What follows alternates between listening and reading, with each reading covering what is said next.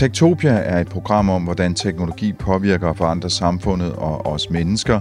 Tektopia er produceret på Radio 4 af Ingeniørforeningen IDA med støtte fra Innovation Center Danmark, Messecenter Herning og IDA Forsikring. Mit navn er Henrik Føns, og det er mig, der bestemmer i Tektopia. Man plejer at sige om vejret, at øh, alle taler om det, men ingen gør noget ved det. Det samme kan man måske sige om øh, klimaet. Alle taler om det, men hvor mange af os gør egentlig noget ved det? Jeg står her i studiet, jeg har lige øh, åbnet min, øh, min Coop-app, som jeg som regel bruger, når jeg skal købe ind, fordi så kan jeg få nogle gode tilbud. Men så har jeg opdaget, at der er også sådan en grøn boble, der siger 60% mindre klimaaftryk. Godt gået. Den klikker jeg så lige på en gang. Og så viser det sig faktisk, at jeg i den her uge har købt ind meget klimavenligt. Og hvordan og hvorfor de har gjort det, det vender vi nemlig tilbage til lidt senere, fordi i dag skal vi kigge på apps, der kan hjælpe os med at øh, hjælpe klimaet. Det er også sådan, at jeg her på min computer er inde på en hjemmeside, der hedder Climator. Og der har jeg så fundet ud af, at jeg udleder 25 tons CO2 i år. Og det synes jeg egentlig lyder af meget. Der står faktisk, det er 47 procent over gennemsnittet i Danmark. Og min største kategori, det er ting og sager. Min mindste kategori er fly, og det kan jeg jo så være glad for på grund af coronakrisen, fordi normalt så vil jeg nok have fløjet en del for at lave noget radio.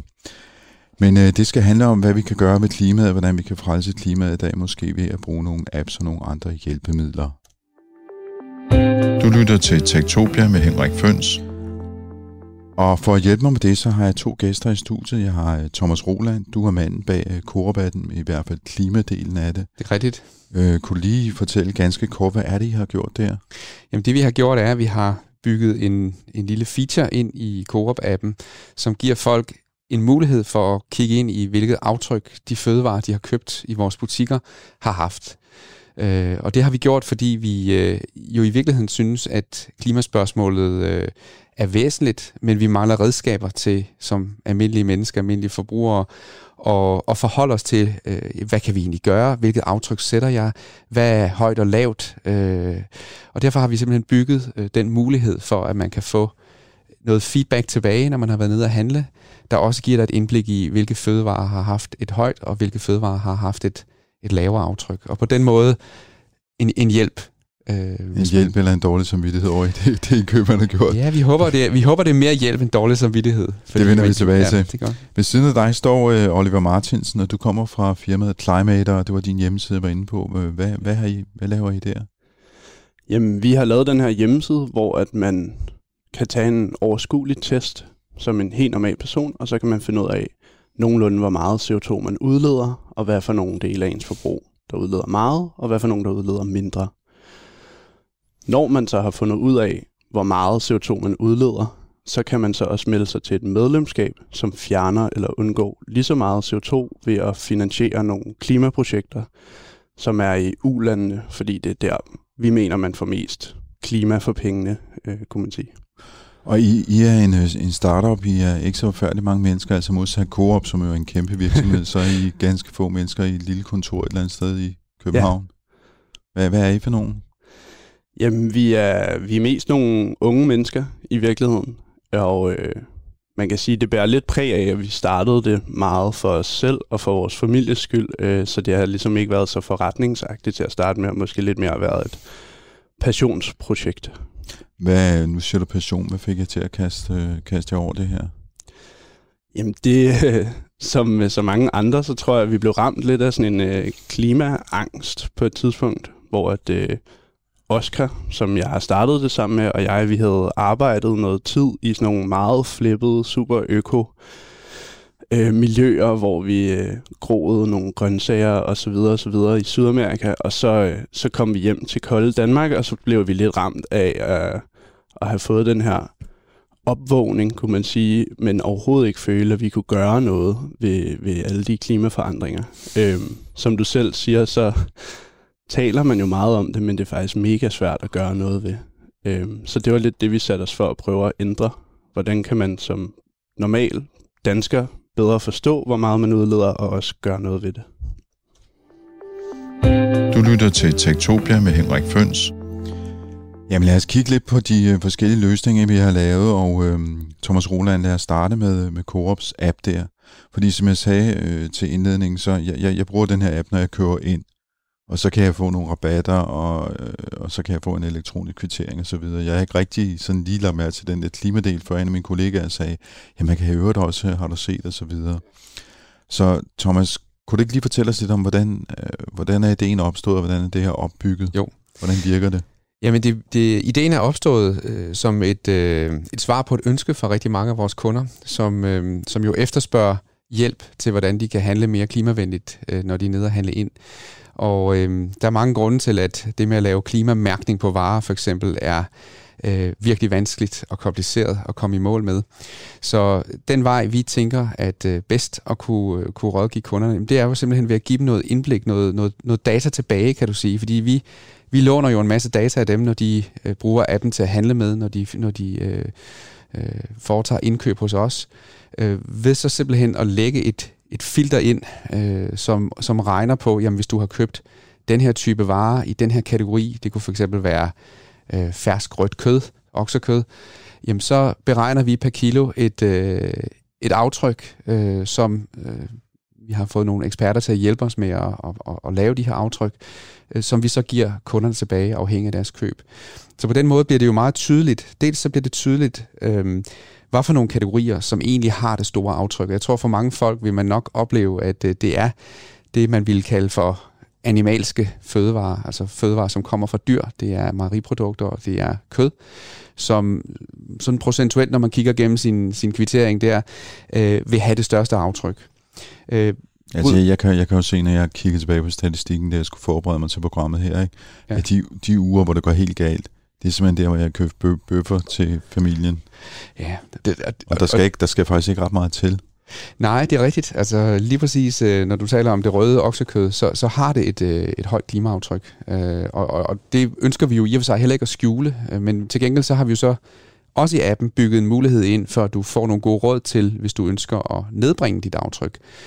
Så får du hver uge faktisk fem forslag til handlinger, du kunne gøre, til, til opskrifter, du kunne følge til gode råd i dit køkken osv. Dem kommer vi tilbage til senere. Ja, ja. Jeg kunne godt lige tænke mig at høre lidt mere om, hvordan... Øhm, altså fordi for det første, så mange bruger den, hvor mange transaktioner kører der igennem sådan en app? En app? Vi, vi har omkring 300.000, som har tilmeldt sig klimafunktionen. Øh, vi beder om et ekstra samtykke til det, fordi det er jo en ny måde at behandle data på.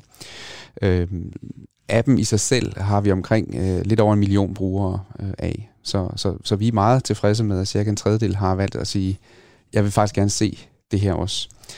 Øhm, så er der sikkert også nogen, der er interesseret i, hvordan, øh, hvordan bliver de så, hvad skal man sige, identificeret? Altså hvad med privatlivets fred?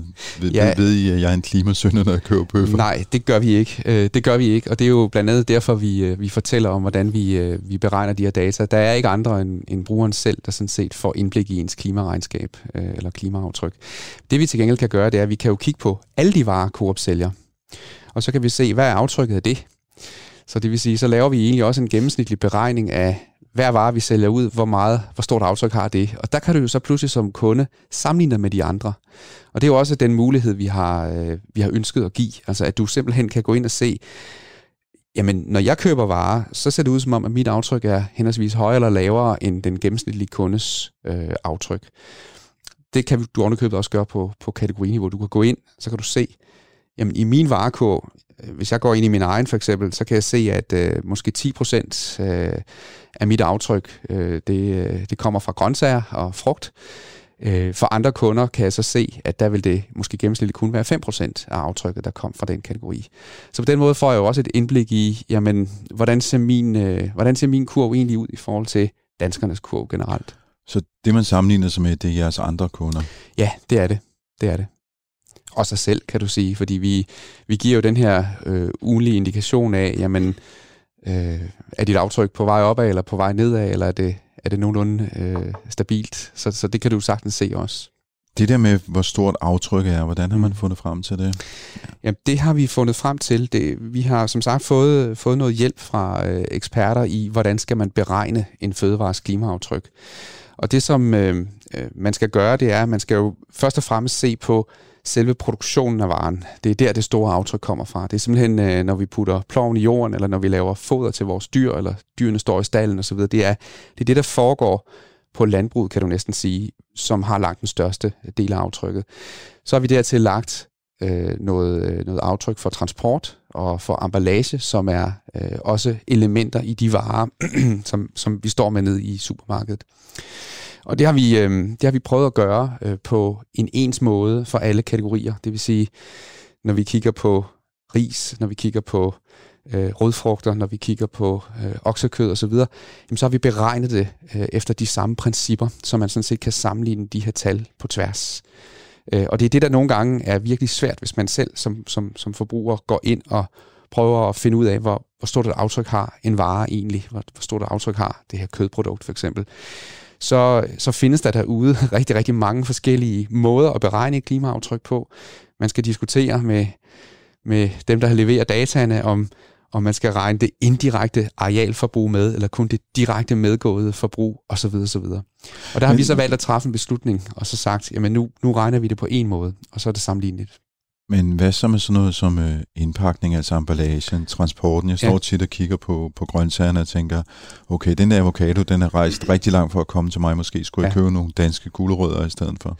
Ja, og det har du ret i. Hvis du kunne erstatte en avocado med gulerødder, så vil du nok gøre klimaet en tjeneste. Men man kan så sige, hvis du kigger på avocadoen, så, så er det stadigvæk øh, hverken transporten eller emballagen, som har øh, hovedparten af aftrykket. Det er stadigvæk produktionen derude. Og det, det overrasker nok mange mennesker, fordi vi, vi, vi, vi tænker om klimaaftrykket på samme måde, som når vi kigger i vores skraldespand og tænker, hvad ligger der tilbage der? Wow, det er jo plastik.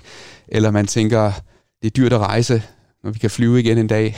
Så, så, det, så forbinder vi det med udledningen. Og i virkeligheden, så er det minimalt, hvad det betyder for vores fødevarer. Det er selve produktionen af varen, der gør en forskel.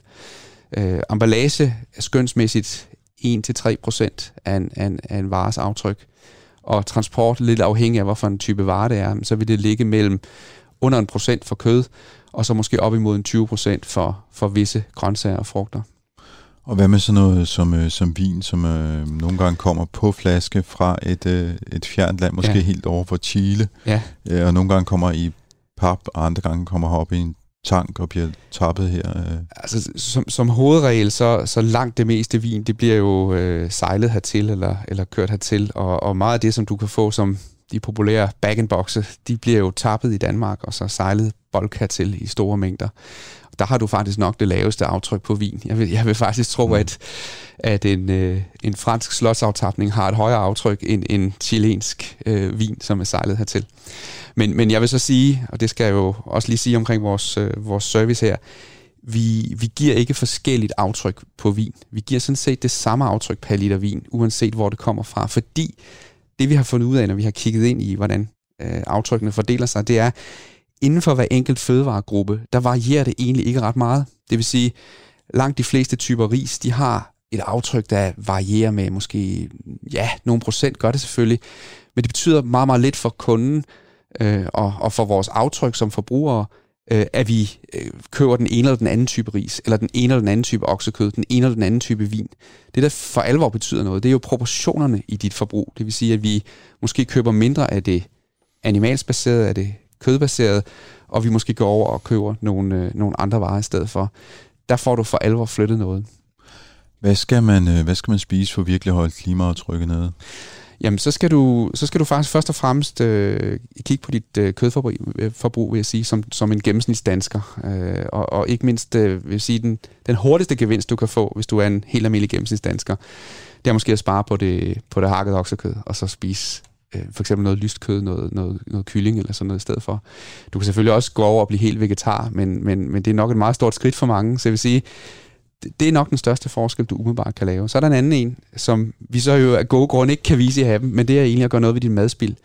Fordi øh, fødevarer, som vi kører hjem til privaten og ikke får brugt, øh, det er jo selvfølgelig jo en klimasøn i sig selv. Og, og hvis man kan minimere det, og det er jo også derfor, vi giver nogle gode råd til, hvordan kan man bruge det hele op, jamen så gør det jo også klimaet en, en tjeneste. Så man skal tømme køleskabet, før man køber nyt? Det skal man. Ja. Og de der røde bøffer og rødvin, det skal man... Rødvin kan jeg høre, den, den kan jeg godt beholde, men bøfferne, de er 20. Jeg, synes, jeg synes også, du skal beholde bøfferne, men, men du skal ja. selvfølgelig kende proportionerne, og så en ja. gang imellem måske øh, erstatte det med noget andet. En bøf en gang imellem. Ja. Oliver Martinsen, øh, det der CO2-tryk, øh, jeg havde på 25 tons om året, øh, det, det giver mig jo frygtelig dårlig samvittighed. Hvad, hvad, hvad er det, I måler på hos Climate? Fordi I måler jo ikke på, på fødevarer, det er jo andre ting, I måler på. Vi måler også på fødevarer. Vi prøver ja. i virkeligheden at dele dit forbrug op i seks kategorier, som vi mener dækker danskeren øh, ret godt ind. Så det er blandt andet din kost, så hvor meget kød du spiser, hvor meget mad du spi- øh, smider ud, og en, en række andre ting. Øhm, så det, det er en af faktorerne. Så er der helt normal transport, altså biler, offentlig og så videre. Så er der selvfølgelig flytrafik. Øhm, det har de fleste nok ikke så meget af her i år. Øhm, men øh, ja, så er der ting og sager, har vi kaldt det. Sådan, øh, lidt catch-all, men i virkeligheden alle de ting, vi køber. Øh, fordi en del af grunden til, at vi har så højt et aftryk i Danmark, det er, at vi har rigtig mange penge, og så køber man en masse ting. Og hvis de ting er produceret øh, i Kina, eller i virkeligheden ligegyldigt, hvor de er produceret, så har de selvfølgelig en stor øh, CO2-udledning. Øh, øhm, ja.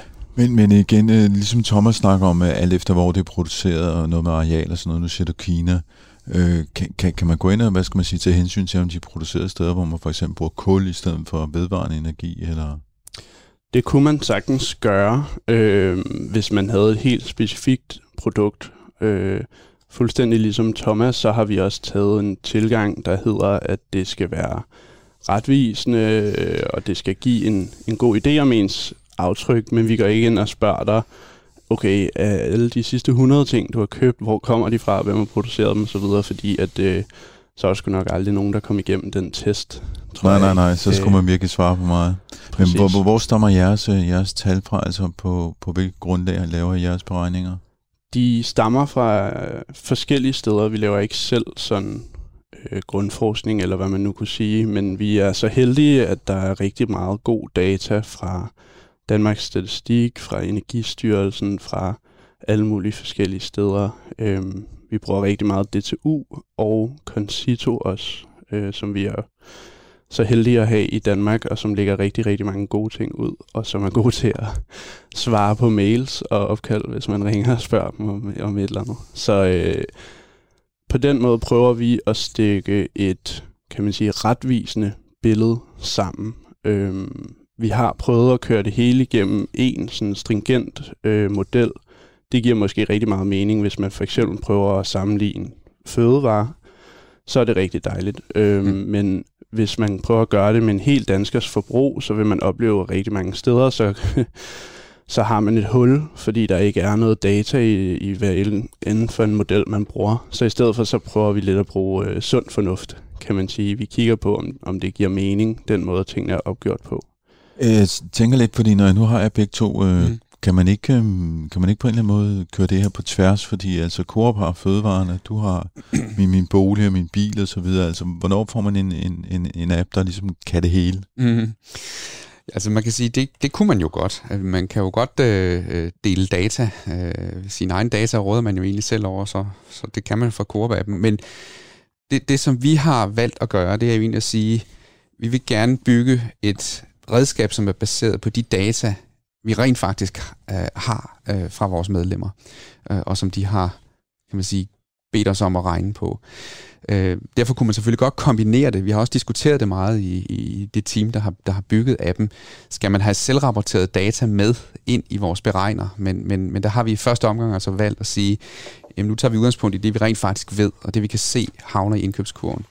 Øh, og så må vi måske via samarbejde, eller, eller, eller senere hen tage stilling til, om man kan blande det sammen med selvrapporteret data, fordi så er det lidt andet type grundlag. Hos Climate kan jeg se, at man kan melde sig ind, øh, og det mm-hmm. koster også et beløb. Hvordan fungerer det?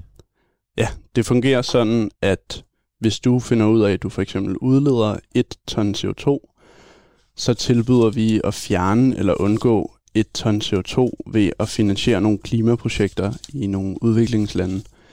Så man kan sige, at det mest pædagogiske eksempel er jo at plante en skov, og så står den og suger noget CO2 op, når, når den er plantet. Det gør vi også, men øhm, Vi gør også nogle andre ting, såsom at hjælpe med at skifte måske fra sort energi til grøn energi, eller undgå nogle udslip, gå ind og gribe ind over for gaslæk og andre ting, som der nogle gange kan ske, øh, uden at der er nogen, der gør noget ved det, hvis det er i et land, hvor der ikke er ressourcerne til det. Øhm, så i virkeligheden er vores mantra bare, at vi vil have mest klima for pengene, så vi prøver at investere der, hvor det er allermest effektivt. Og så er I ved at bygge en app. Hvad skal den kunne i modsætning til, eller i forhold til, øh, til websitet? Ja, altså websitet og medlemskabet, det bringer dig ligesom til, at du kan regne ud, hvor meget CO2 du udleder, så du forstår din udledning, og så kan du kompensere for den, den udledning, du har nu. Men det vi egentlig gerne vil med appen, det er så derfra at hjælpe dig til også at reducere dit eget aftryk. Øhm, fordi at vi mener, at det er vigtigt, at man griber ind på alle fronter, man kan, så det skal ikke ligesom være en sovepude, at man kan klimakompensere. Øhm, det er enormt effektivt, og derfor promoverer vi det også, men vi vil rigtig gerne have, at folk selv kigger på deres eget aftryk. Så lidt ligesom i Coop-appen, hvor du kan få hjælp til at spise mere grønt, så prøver vi at guide dig baseret på dine testsvar til, hvor du kan gribe ind i dit eget liv, de steder, hvor der er mest, kan man sige, impact for din, din indsats. Så vi kommer ikke til at starte med at bede dig om at strikke din egen karklude, eller eller andet den stil. Vi kommer måske til at starte med at bede dig at skifte din strøm, eller stoppe med at spise oksekød, eller nogle andre ting. Du lytter til Tektopia med Henrik Føns. Nu er det jo sådan, at I faktisk ikke de eneste her i verden, der laver sådan nogle ting her. Der, der, der, der findes andre. Vi har kigget lidt på et øh, par andre ting, vi lige skal omkring her i udsendelsen. Det er nemlig sådan, at øh, Vejle Kommune sidste år inviterede alle deres borgere med på det, de kaldte for en klimarejse, der skulle gøre det nemmere for dem at øh, nedbringe udledning af CO2 i hverdagen. Og det blev, øh, det blev gjort via en app, der hed Dister. Vi har snakket med Jette Willum fra Vejle Kommune om, hvordan de gjorde det. Du lytter til Tektopia med Henrik Føns.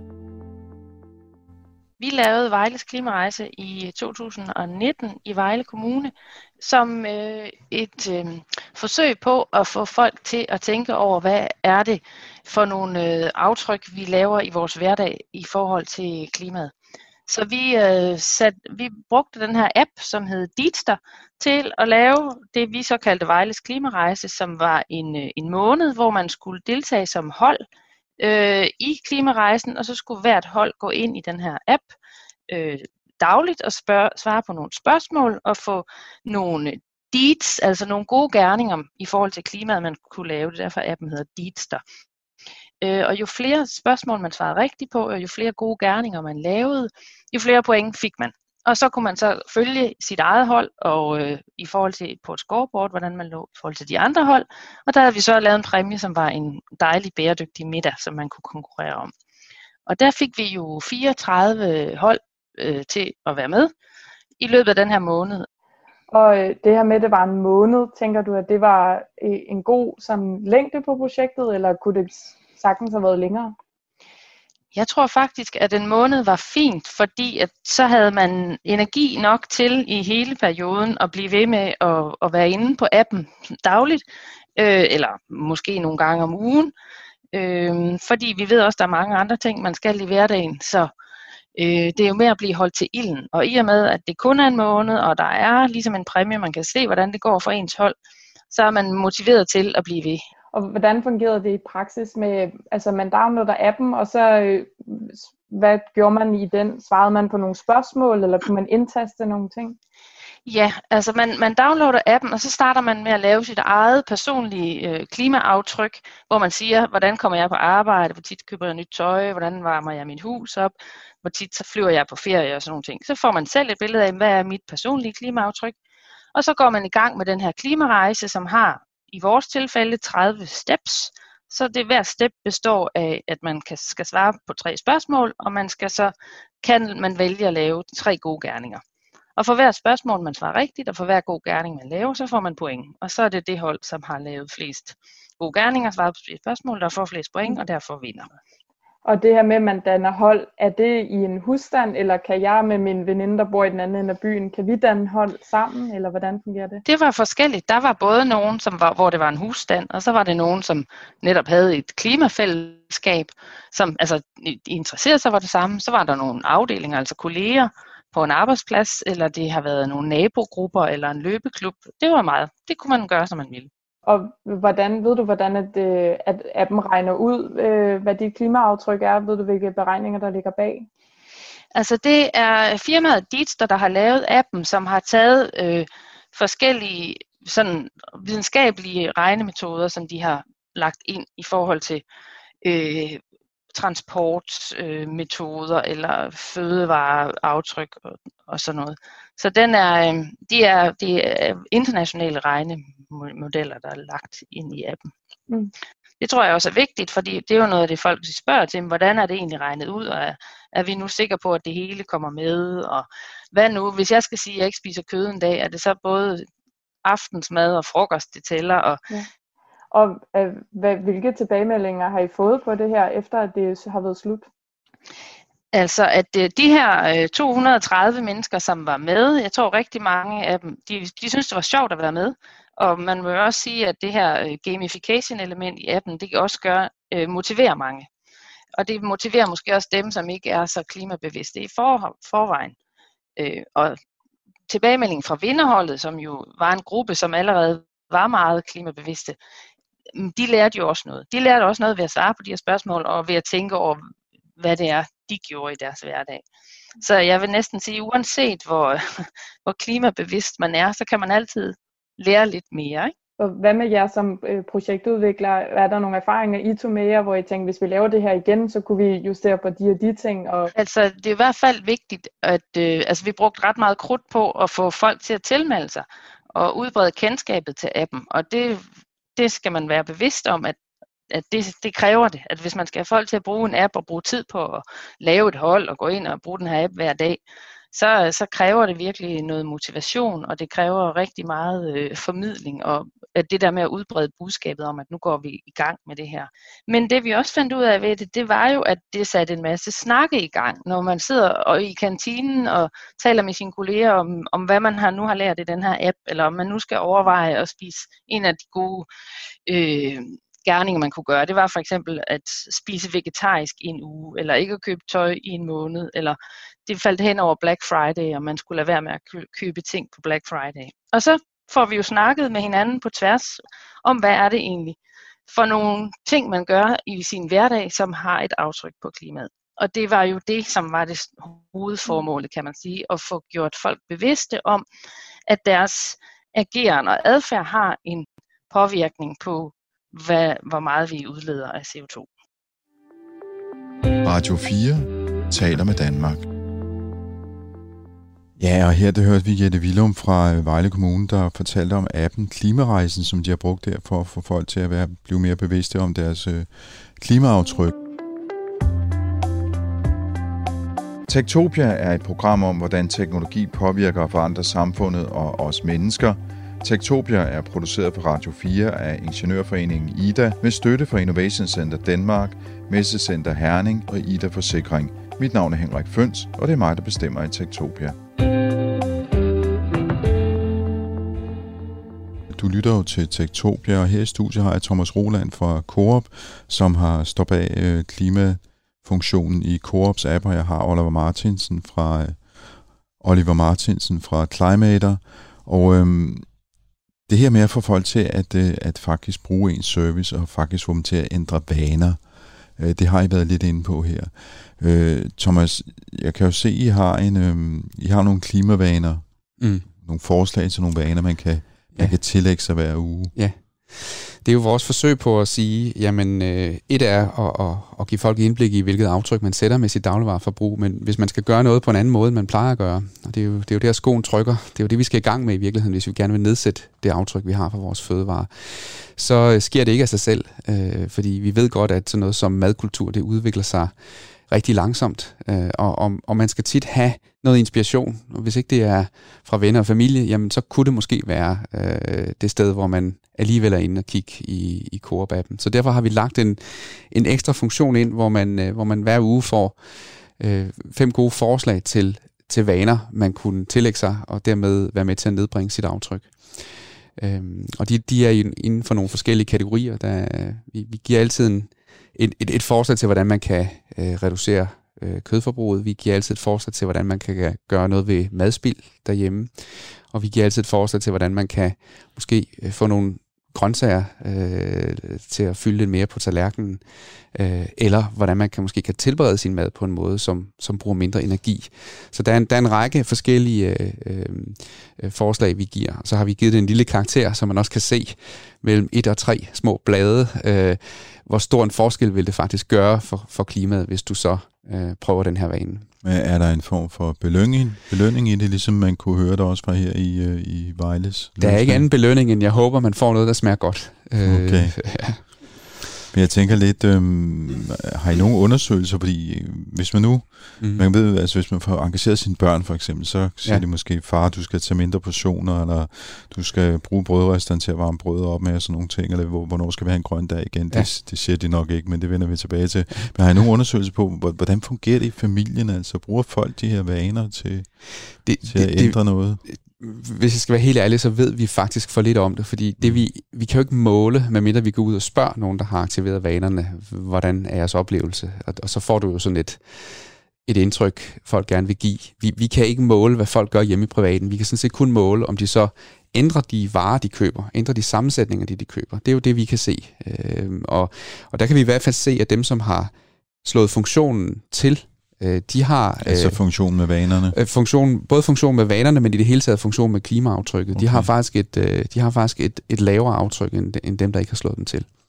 Så, men, men jeg kan ikke for nuværende sige, om, om det er, fordi folk har for alvor forandret deres, øh, deres vaner. Eller også er det måske bare dem, der er interesseret i klimaet, som har slået den til, og derfor alligevel køber fornuftigt. Ja, det, kunne, det, det, det er faktisk også en mulighed. Ja, ja det ja, kunne ja, godt snyde lidt. Ja. Øh, Oliver Martinsen, øh, det der med at ændre vanerne og lokke folk til at bruge, øh, bruge servicen, hvad, hvad har I gjort der? Altså, øh, man kan sige, at vores app er jo ikke kommet ud endnu. Lige nu så, øh, så, så skriver vi ud øh, på brev, hvad hedder det, på mail og på sociale medier osv. Så, videre. så vi, vi gør det lidt i forvejen, men i, i appen kommer det til at være på en anden måde. Jeg tror, det er en sindssygt svær opgave at ændre folks vaner gennem en app det øh, ved de fleste, der har downloadet en løbeapp nok. Øhm, så det er, en, det er en kæmpe opgave. Øhm, vores tilgang har været, at vi virkelig vil prøve at skubbe folk til at gøre de ting, der gør en stor forskel først. Så selv hvis vi kun har dem i øh, en time, første gang de åbner appen, så skal de have noget at, at gøre en rigtig stor forskel allerede der. Øhm, jeg tror, at hvis man skal ændre sine vaner med for eksempel at blive vegetar eller noget af den stil, så, så kræver det en rimelig stor motivation indenfra. Man skal lidt ville det, som du selv siger, så er det nok de klimainteresserede i forvejen, der, der går ind og gør det, men måske kan de få noget inspiration, eller et skub, eller et eller andet. Øhm.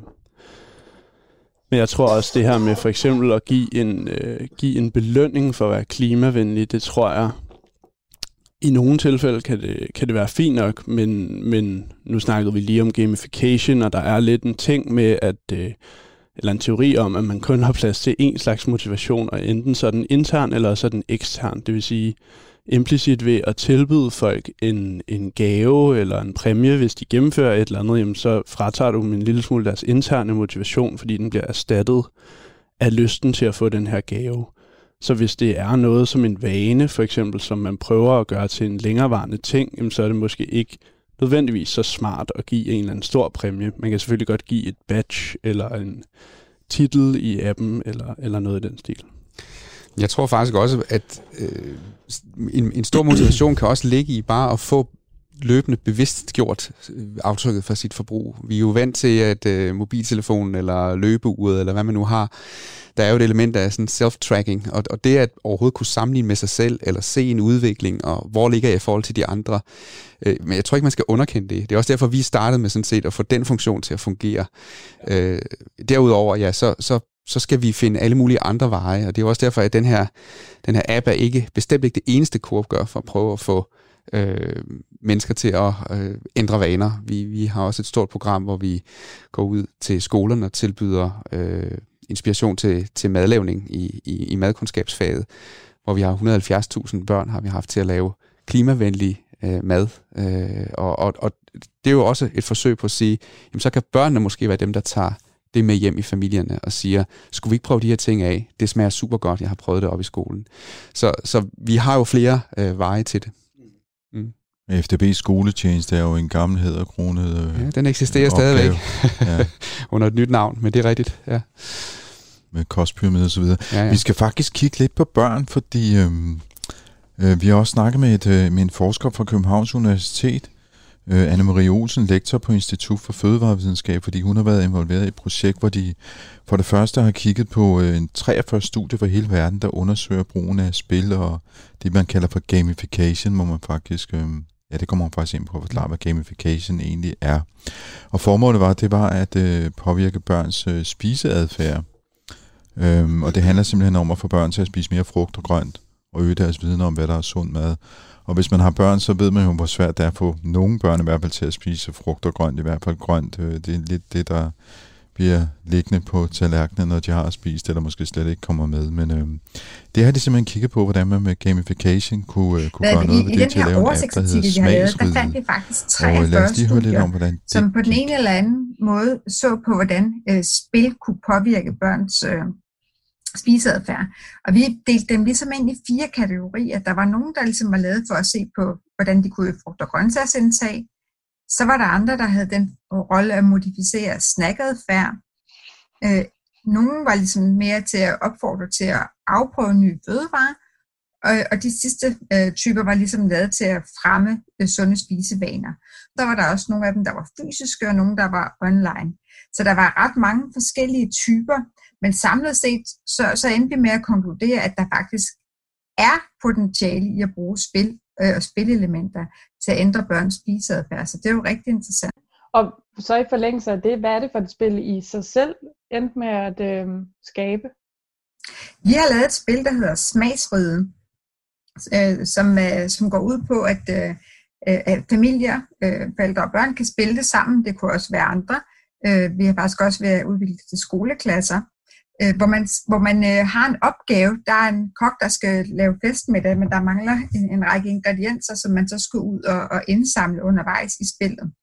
Og undervejs så smager man så og lærer en masse frugt. Nu er det her spil fokuseret på frugt og grønt, så man smager øh, en række ting, og man øh, lærer dem at kende, fordi der er billedkort, hvor man ser de her, de her stimuli, øh, og så skal man komme med forslag til, til retter og måltid, de kan indgå i, så man får også et, et vist kendskab til de stimuli, man bruger undervejs.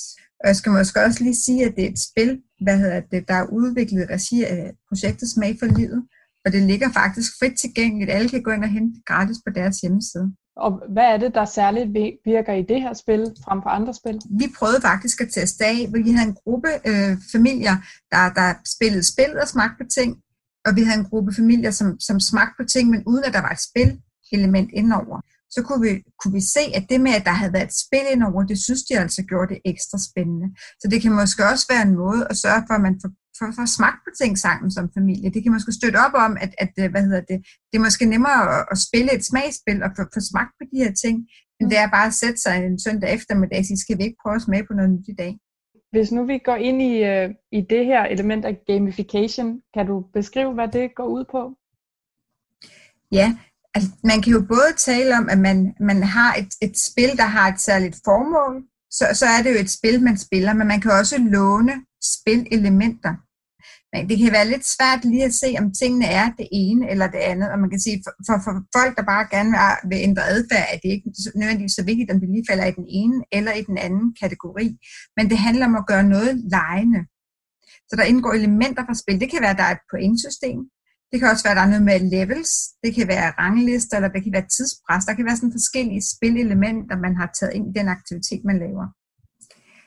Men, men det handler meget om, øh, om øh, motivationen, og man synes, det er sjovt at komme i gang. Man ved, det med at smage på ting er en rigtig effektiv strategi til at, øh, og, og, hvad hedder det, at lære at kunne lide, noget, man måske ellers ikke kunne lide. Så det her spil, I havde lavet, øhm, det henvender sig så i virkeligheden både til børn og voksne? Ja, det gør det. det. Det er udviklet til børn og voksne til at blive spillet sammen, men vi er også ved at lave det om i en version, som faktisk kan benyttes ude i skoleklasser, sådan så at skoleelever kan spille det med støtte fra en lærer. Øhm, men, men som det er nu, så er der en, der skal kunne læse, øh, så, det jo, så der skal jo være forældre til stede, hvis børnene er for små til selv at læse. Kender du til noget andet forskning, som også har, har haft øh, undersøgt det her med gamification og at ændre på adfærd? Måske særligt, hvor man har vil ændre på voksnes adfærd? Det viser sig faktisk, at på voksne er der ikke lavet helt lige så mange øh, studier af at, at bruge spil eller spillelementer til at ændre på spiseadfærd, men der er faktisk lavet nogle. Øh, blandt andet hos, øh, hos yngre voksne. Det, ene studie var i, start 20'erne, og det andet var for voksne øh, med, med særlige udfordringer, f.eks. overvægtige, der havde behov for at tabe sig. Og i de, disse to studier her, der var faktisk positive elementer af at bruge, hvad hedder det, spillelementer. Så er der en anden oversigtsartikel, hvor man har gået igennem en række studier og set på, hvor mange øh, af de her apps til at få folk til at ændre adfærd generelt, så det kunne også være i forhold til fitnessvaner og sådan noget, bruger egentlig spillelementer, øh, og hvor mange har øh, en effekt af det. De, de fandt også, at der var et potentiale øh, i at have den her spillelement. Men der er altså ikke super meget forskning på området, så vi har mm. brug for at lære, lære potentialet og hvordan man bedst udfolder det bedre at kende.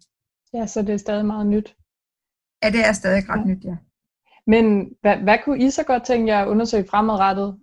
Ja, jeg synes det her med at bruge familien som ramme øh, for den intervention og den øh, hvad skal man sige, adfærdsændring, man godt vil indføre, er rigtig, rigtig spændende. Der er sådan så rigtig mange studier, der ser på at få børn til at ændre spiseadfærd. De har enten fokus på barnet hen i skolen eller barnet i et laboratorie.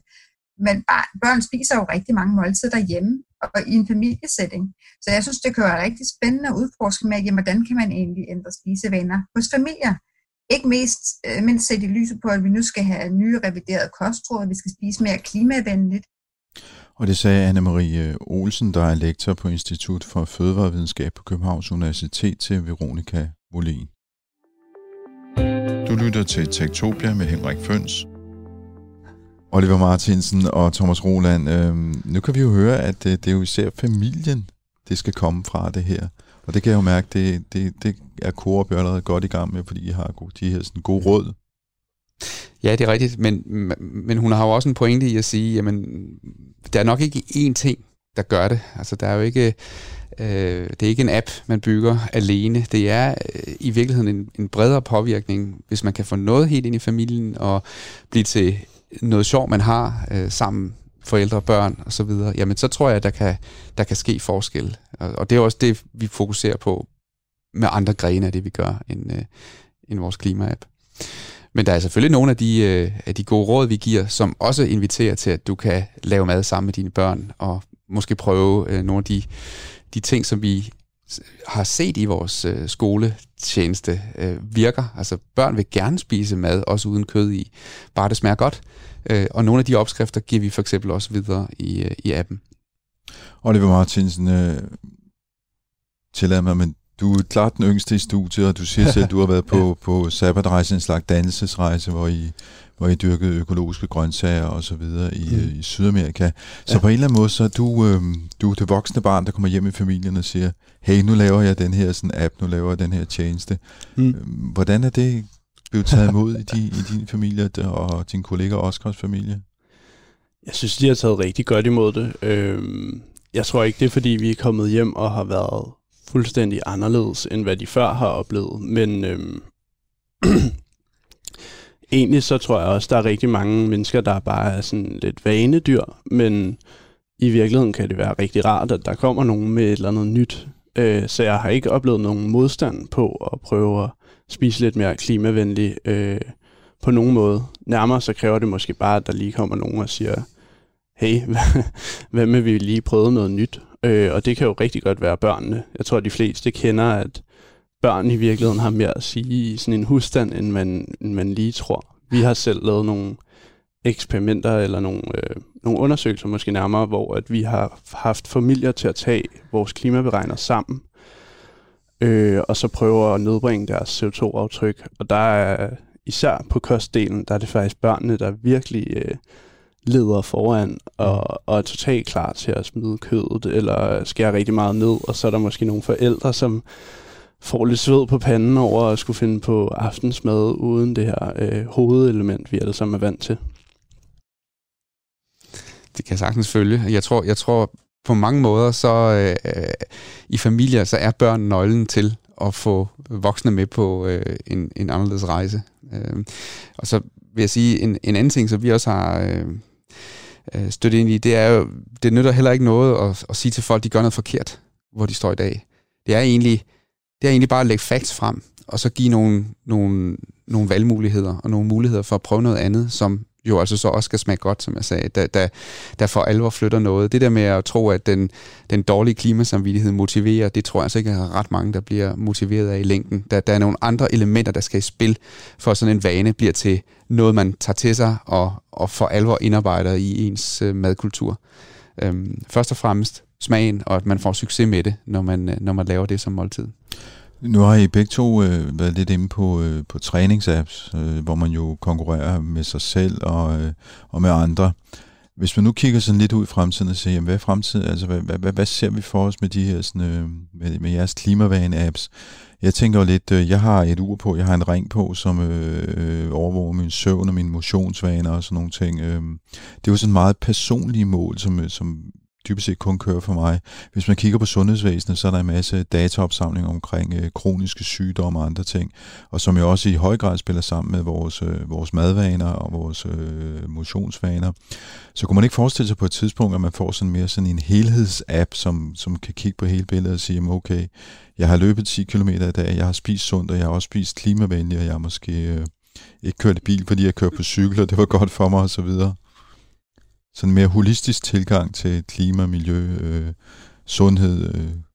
Det, det er et godt spørgsmål. Det, øh, man skal jo have en motivation for at øh, downloade en app eller, eller gå i gang med, med et program. Øh, og det er jo et spørgsmål om, man kan, man kan finde noget, som, som rammer alle øh, og, og bygge det ind i en løsning. Det, det, det, ville være, det ville være dejligt, hvis man kunne. Jeg tror faktisk ofte, at det er de mere spidse, simple ting, som adresserer en enkelt ting, der så virkelig rammer et kerne målgruppe øh, præcist, som, som bliver taget op. Øh, det, det er svært at lave one size fits all, øh, desværre. Du tænker, den der, den er mere for voldsom alligevel, sådan en, en, en det, omfattende det, app? Det, det tror jeg, ja, det tror jeg. Ja. Men, øh, Man kan sige, ja. det vil jo nok være noget med, ligesom Thomas var inde på tidligere, at man kan snakke sammen mm. forskellige services med hinanden. Sådan så hvis man ønsker det, kan man inkludere det. Men jeg tror også, at det er smart at holde lidt fokus på det, man er god til at lave. Sådan så vi ikke også skal ud og fortælle dig, at du skal løbe, og hvornår du skal gå i seng, og, og alle mulige sundhedsrelaterede ting. Men man kunne godt forestille sig, at de to apps snakkede sammen. Mm. Øhm, og det, det ser jeg helt klart. Der er jo mange services, der bevæger sig den retning. Altså, der er jo hele kæmpe virksomheder, som ikke laver andet end at samle andre virksomheders services. Zapier for eksempel. Mm. Kæmpe virksomhed. Laver basalt set ikke noget selv. Mm. Øhm, det gør de selvfølgelig. Men, men øh, på den måde tænker jeg, at man bevæger sig mod en mere sådan samlet øh, fremtid, kunne man godt sige. Men forhåbentlig stadigvæk drevet af den enkelte brugers ønske om at kombinere ting. Så Helt klart. Jeg, tror, det, jeg tænker, at man, skal man skal selv tage initiativ til at koble dem sammen. Ja, ikke? Ja. Øhm, jeg tror også, som vi også lige snakkede om før, det her med, at, øh, med, at det, det går ikke at sådan shame folk alt for meget. Øh, og i virkeligheden taler det hele lidt ind i det samme, både det her med øh, altså sådan noget klimaskam, og det her med at skulle samle alting og sådan noget, det bliver hurtigt meget overvældende. Og jeg tror, at... Øh, at det er simpelthen øh, sådan, det diametralt modsatte af handling, øh, at, at være over, overvældet. Altså der er det her med doom overload, øh, som der er en norsk øh, psykolog, der hedder Per Esben Stoknes, som snakker meget om i forhold til klimaet, og det er simpelthen, at vi får banket så meget ind i hovedet, at det står galt til, at vi bliver helt lammet øh, og får ikke gjort noget som helst. Og det, øh, det er jo i virkeligheden det, som vi prøver lidt at arbejde imod, og prøve at gøre det lidt mere overskueligt alt sammen. Hvis I skulle have en øh, ønskeliste til fremtiden, øh, det kunne både være teknologisk, men det kunne også være politisk, men øh, måske skal vi holde os lidt til teknologien her i Tektopia her lige her mod slutningen. Hvordan, hvordan ser sådan en ønskeliste ud? Hvad kunne I godt tænke jer at gøre? Jeg vil sige, nu kommer jeg jo også fra, fra der, hvor jeg kommer fra, eller hvad den hedder. Øh, sjovt nok, men jeg ser gerne en fremtid, hvor at hvis man har en udledning, som vi jo alle sammen har, så synes jeg faktisk, at man skal kompensere for den som minimum, og så arbejde på at reducere den. Øh, vi er, hvor vi er udledningsmæssigt. Det kan man ikke gøre noget ved, men man kan godt investere i at gøre det bedre andre steder, mens man arbejder på at, at bringe sig selv ned. Så jeg synes lidt, ligesom vi alle sammen har en forsikring, og vi alle sammen har en øh, eludbyder osv., så, så, videre, så synes jeg, det er forsvarligt at tage ansvar for sin udledning på den måde. Og så håber jeg, at vi når et sted hen, hvor at man kan nå lidt mere til enighed, sådan så at de beskeder, man sender til folk om, hvad de skal gøre, det, de er lidt mere strømlignet, så man ikke bliver så forvirret hele tiden. Jeg, jeg håber vel i virkeligheden, at transparensen, altså gennemsigtigheden af det, vi gør, og de handlinger, vi foretager os, de varer, vi køber, bliver større. Og det tror jeg, at teknologien har en, en stor del af øh, ansvaret for, at det bliver muligt for den enkelte også at forstå de værdikæder, man sidder i enden af. Og så håber jeg måske også, det kan godt være, at du, ja, jeg kommer over og bliver politisk, men jeg håber jo i virkeligheden også, at, at øh, prisen kommer til at afspejle øh, også, hvad der er det, det rigtige valg for klimaet. Øh, fordi det er vel den måde, man på lang sigt øh, får skabt ændrede klimavaner på. Det er jo, hvis, hvis også sådan noget som øh, prisdrivet øh, stimulerer til bedre adfærd. Så dyrt, dyrt hakker oksekød.